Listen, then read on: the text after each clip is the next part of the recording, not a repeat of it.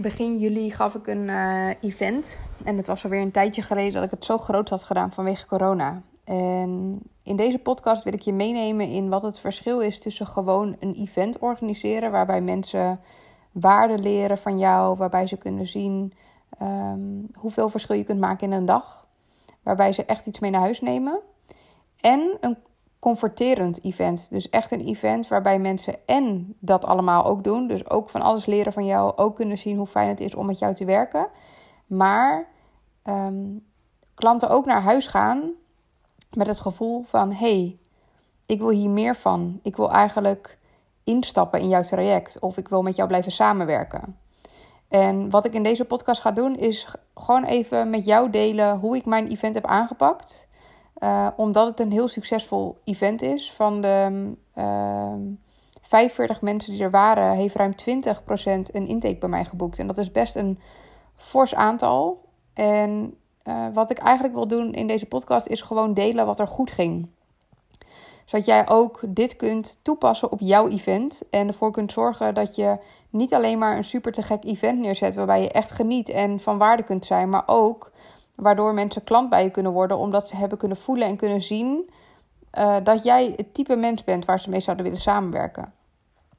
Dit begint eigenlijk al in het maken van het programma. Vaak zijn we geneigd om zoveel waarde weg te geven dat iedereen helemaal overspoeld van informatie naar huis toe gaat en compleet kapot is. En vaak is dan ook het antwoord wat je zou krijgen op het moment dat je bijvoorbeeld tijdens de borrel zou vragen van joh, overweeg je om met mij samen te werken? Uh, dat mensen zeggen, nou, ik, uh, dit vond ik eigenlijk al heel waardevol. Of ik ben echt nu moe. Of um, ja, dus ik kijk het nog even aan. Dus de eerste twee tips die ik gelijk met je wil delen is allereerst durf de vraag te stellen: overweeg je om met me samen te werken? Dat is het eerste. Dat is echt heel praktisch, heel simpel. Maar heel veel mensen vergeten dit of durven dit niet. Terwijl onthoud, je doet echt je klant een groot plezier op het moment dat jij die vraag durft te stellen. Want ehm, stel je voor als mensen bij jou instappen, wat dat voor hun leven betekent. Dus het gaat hier helemaal niet om jou, het gaat hier om jouw klant. En jouw klant heeft soms gewoon een vraag nodig om tot nadenken aangezet te worden. Dus dat is het eerste. Durf de vraag te stellen. Tweede is dat het heel belangrijk is dat je je programma op een manier gaat opbouwen waarbij je niet mensen compleet overspoeld naar huis laat gaan, maar waarbij je ze genoeg informatie geeft om misschien al een doorbraak te hebben, om inzichten op te doen, om echt al met concrete stappen naar huis te gaan voor wat ze bijvoorbeeld in een bedrijf kunnen implementeren als je met ondernemers werkt.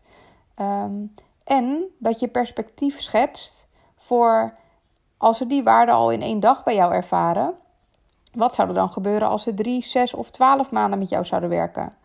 En hierin is het heel belangrijk om mensen dus niet te overspoelen maar om echt bij je programma, het maken van je programma, rekening te houden met dat je mensen genoeg aanzet om in een lekkere energie te komen, maar niet te lang doorgaat, te veel info deelt. Bijvoorbeeld een programma doet van 8 uur, waarbij mensen helemaal gesloopt zijn aan het eind.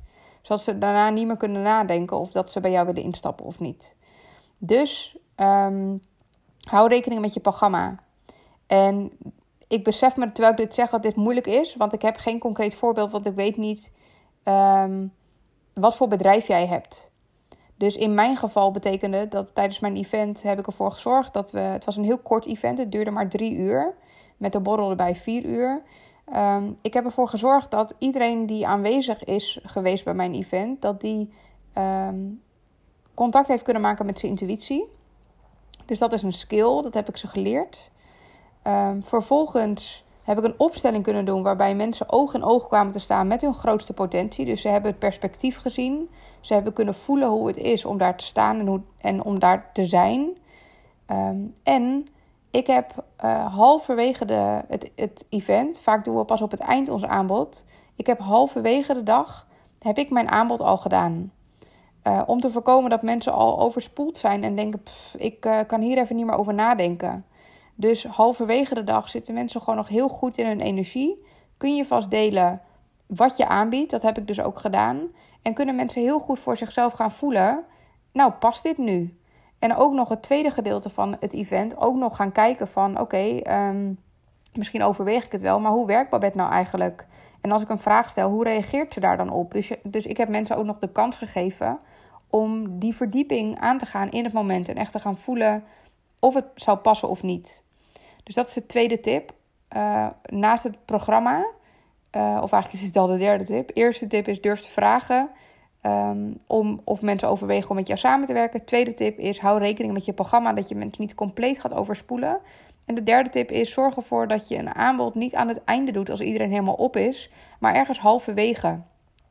En wees daar ook gewoon eerlijk over. Ga in het begin ook, uh, dat vond ik een hele mooie tip van mijn coach. Die zei zelf tegen mij, um, uh, wees daar gewoon open over. Weet je wel, deel, het aanbod. Ga, zeg ook gewoon, ik ga jullie straks een aanbod doen. Want dat voelt gewoon veel completer, ook voor mij. Um, een aanbod doen is namelijk niet uh, sneaky. Het is niet, weet je, sales is niet vies. Um, dus je kan gewoon benoemen. Jongens, super fijn dat jullie er zijn. Weet, dit is het programma. En er komt op het, uh, ergens halverwege, komt er een moment dat ik jullie een aanbod ga doen. Dat voelt heel fijn. Dan weten mensen gewoon waar ze aan toe zijn. Voor mijn event was dit super relevant. Want er zaten echt minstens 10 mensen in de zaal. Die al een tijd aan het overwegen waren om met mij te werken. Dat wist ik, want we hebben veel DM, sorry, veel DM-contact. Um, dus dat is fijn. Dus wees daar open over. En doe dan vervolgens je aanbod ergens halverwege.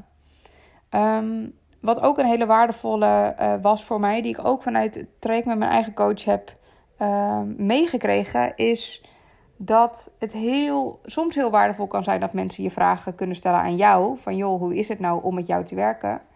Maar wat ik heb gedaan tijdens mijn event is op de eerste rij zaten zes klanten die beschikbaar waren voor de mensen die aanwezig waren om vragen te beantwoorden. Dus ik heb hem van tevoren gevraagd van joh, um, een aantal kwamen al naar mijn event, een aantal heb ik uitgenodigd, uh, gezegd van hoe zou het voor je zijn om uh, vragen te beantwoorden voor mensen die uh, interesse hebben. En ik wil dat je bloed eerlijk bent, dat je gewoon vertelt hoe je het ervaart, hoe je het hebt ervaren, wat de impact is geweest op je leven. maar vooral ook wat ik doe, wat ik niet, niet doe. En alles ertussenin. Wees eerlijk. En um, in principe, als je klanten hebt die blij met je zijn, nou, ik ben daarmee gezegend. Alle klanten die ik heb en heb gehad, die zijn ook ambassadeur geworden voor het feit dat ik hun heb mogen begeleiden. En de hele reis die ze hebben gemaakt. Wat maakt dat zij. Um, ja, eigenlijk alle reacties die ik kreeg was: ja, natuurlijk wil ik dit. Natuurlijk wil ik dit. Ik hoef er niks voor. Ik doe dit gewoon. Dus in principe, als je klanten hebt die gewoon blij met je zijn, kun je dat gewoon vragen. En krijg je ook, uh, in mijn geval in ieder geval, ik kreeg een hele fijne respons. En dat was heel fijn. Want wat er dan gebeurt is dat de mensen die met jou zouden willen werken, niet alleen maar een eerlijk beeld krijgen van hoe het is om met jou te werken.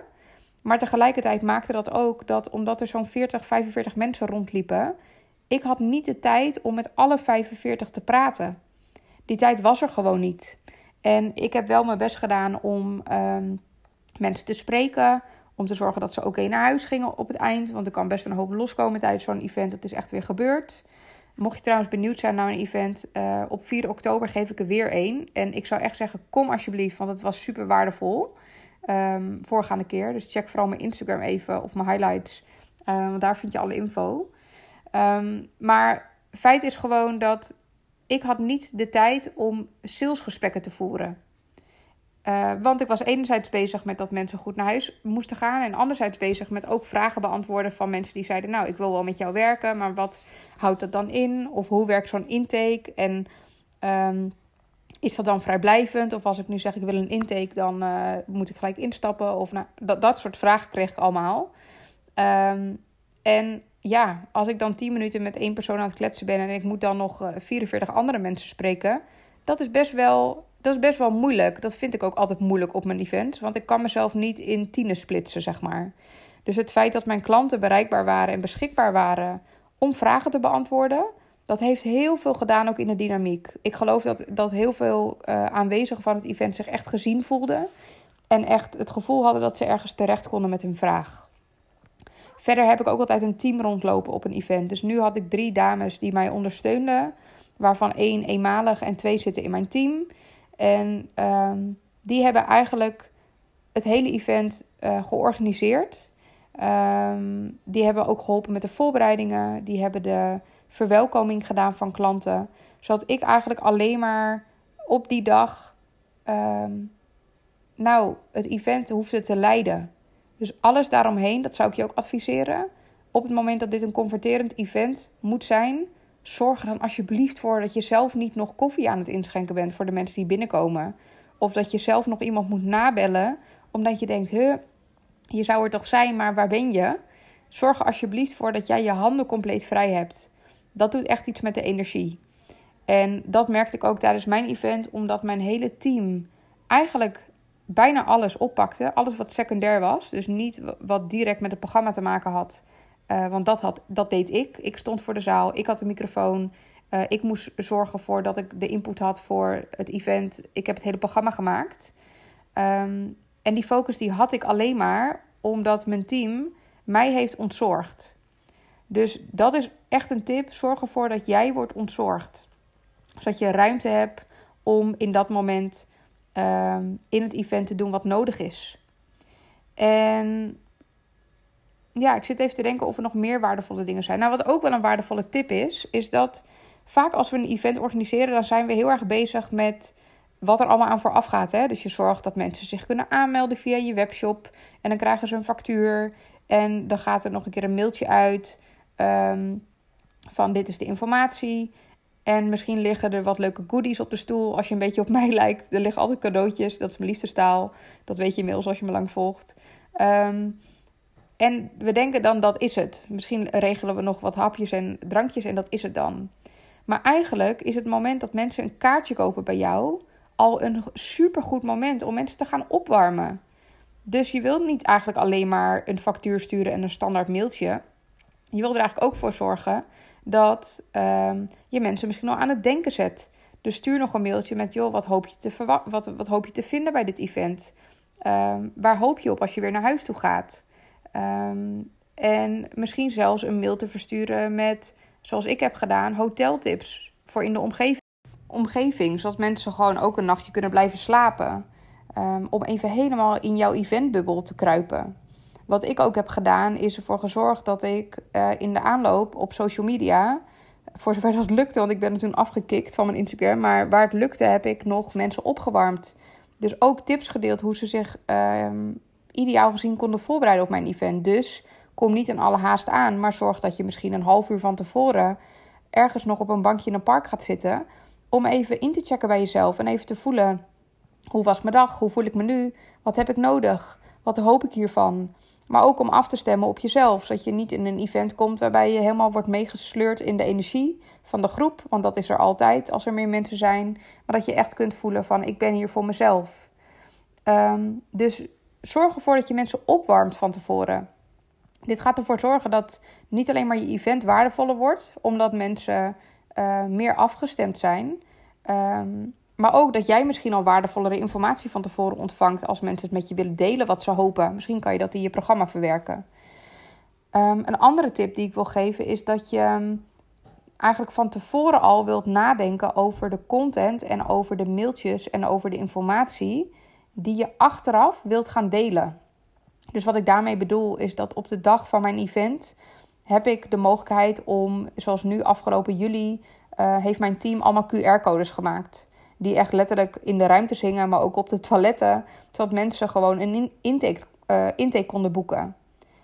Daar is momentum. Tijdens mijn event was momentum. Als mensen dan voelen van jeetje, ik wil hier meer van, dan wil ik niet dat zij moeten wachten op een mailtje van mij met een call to action van wil je misschien een intake plannen. Op de dag zelf wil je eigenlijk al faciliteren dat mensen niet alleen maar weten wat je aanbod is, maar dat ze zich ook kunnen aanmelden voor je aanbod. Of in ieder geval voor een intake om te onderzoeken of het iets voor ze is. En dat maakt ook dat op de dag zelf bij mij al een aantal intakes zijn geboekt. Ehm, van tevoren heb ik ook een mail klaargezet. Dus echt met een mailtje van, nou, uh, tof dat je er was. En even de basics, die ik later heb kunnen aanvullen. Want je weet natuurlijk nooit wat er tijdens een event allemaal gebeurt. Maar je kan wel de outlines alvast opzetten. Ook je aanbod alvast daarin verwerken, omdat jij weet welk aanbod je gaat doen op die dag. Ik heb mensen een aanbod gedaan om in mijn Intuitive 7 te stappen. Dat is mijn nieuwste groepstraject, die helemaal gericht is op intuïtie en business. Nou, er zaten daar 45 ondernemers in de zaal die allemaal daarvoor kwamen. Dus dat was heel relevant, omdat van tevoren, dat ontstond een dag, een dag van tevoren, dus heel kort van tevoren. Um, maar toch heb ik het al uitgewerkt en die dag heel even laten zien. En ik had dat eigenlijk nog meer mogen doen, voel ik. Ik had nog meer een podium mogen nemen. Ik had nog meer daar ruimte voor mogen inregelen om echt even mensen door te lopen van wat is dit traject precies.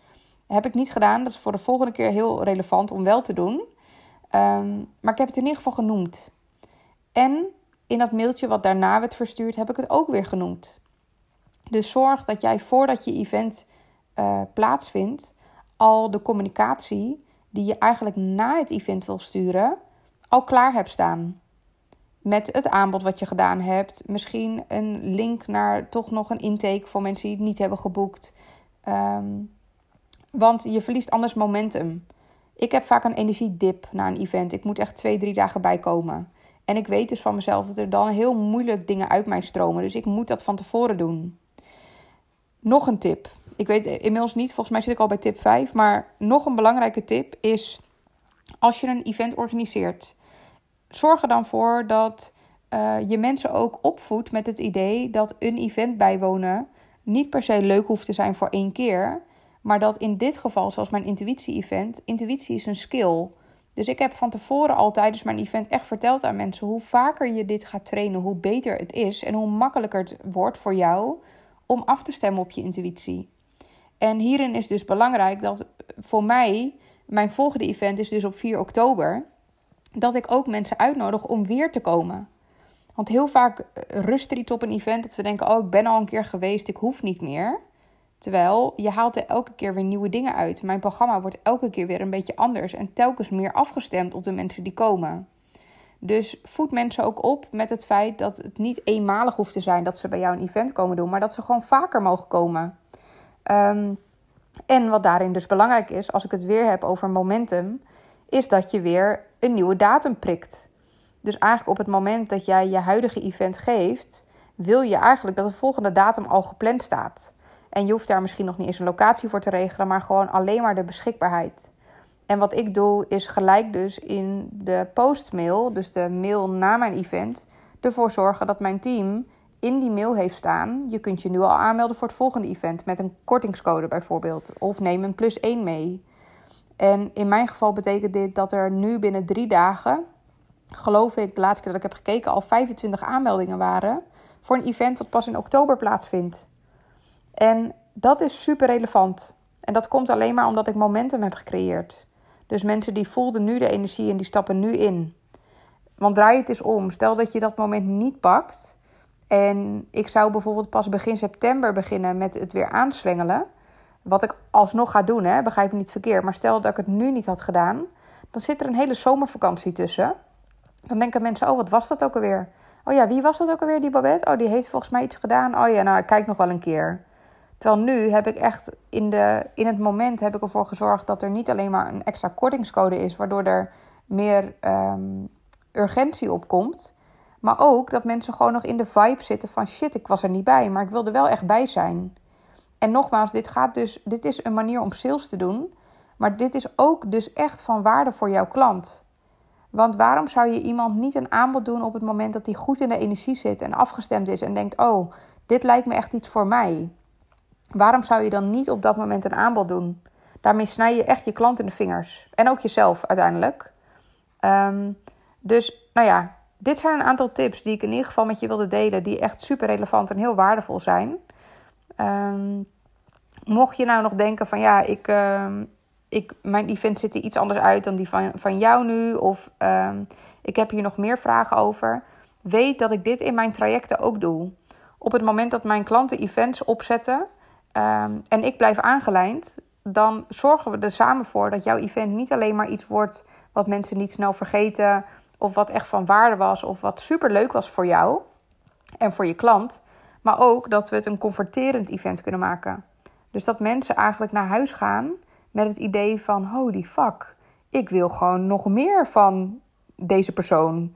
Ik wil hier gewoon nog meer mee samenwerken. Want als hij of zij dit in één dag al kan neerzetten met mij, wat gebeurt er dan als wij een paar weken of maanden samenwerken? Dat is wat je wil doen bij je klant. Het is een super mooi uh, moment om mensen kennis te laten maken met jouw werkwijze. En het mooiste vind ik altijd is dat het zich segmenteert. Want er zullen ook mensen zijn die denken: Nou, ik vond het prima.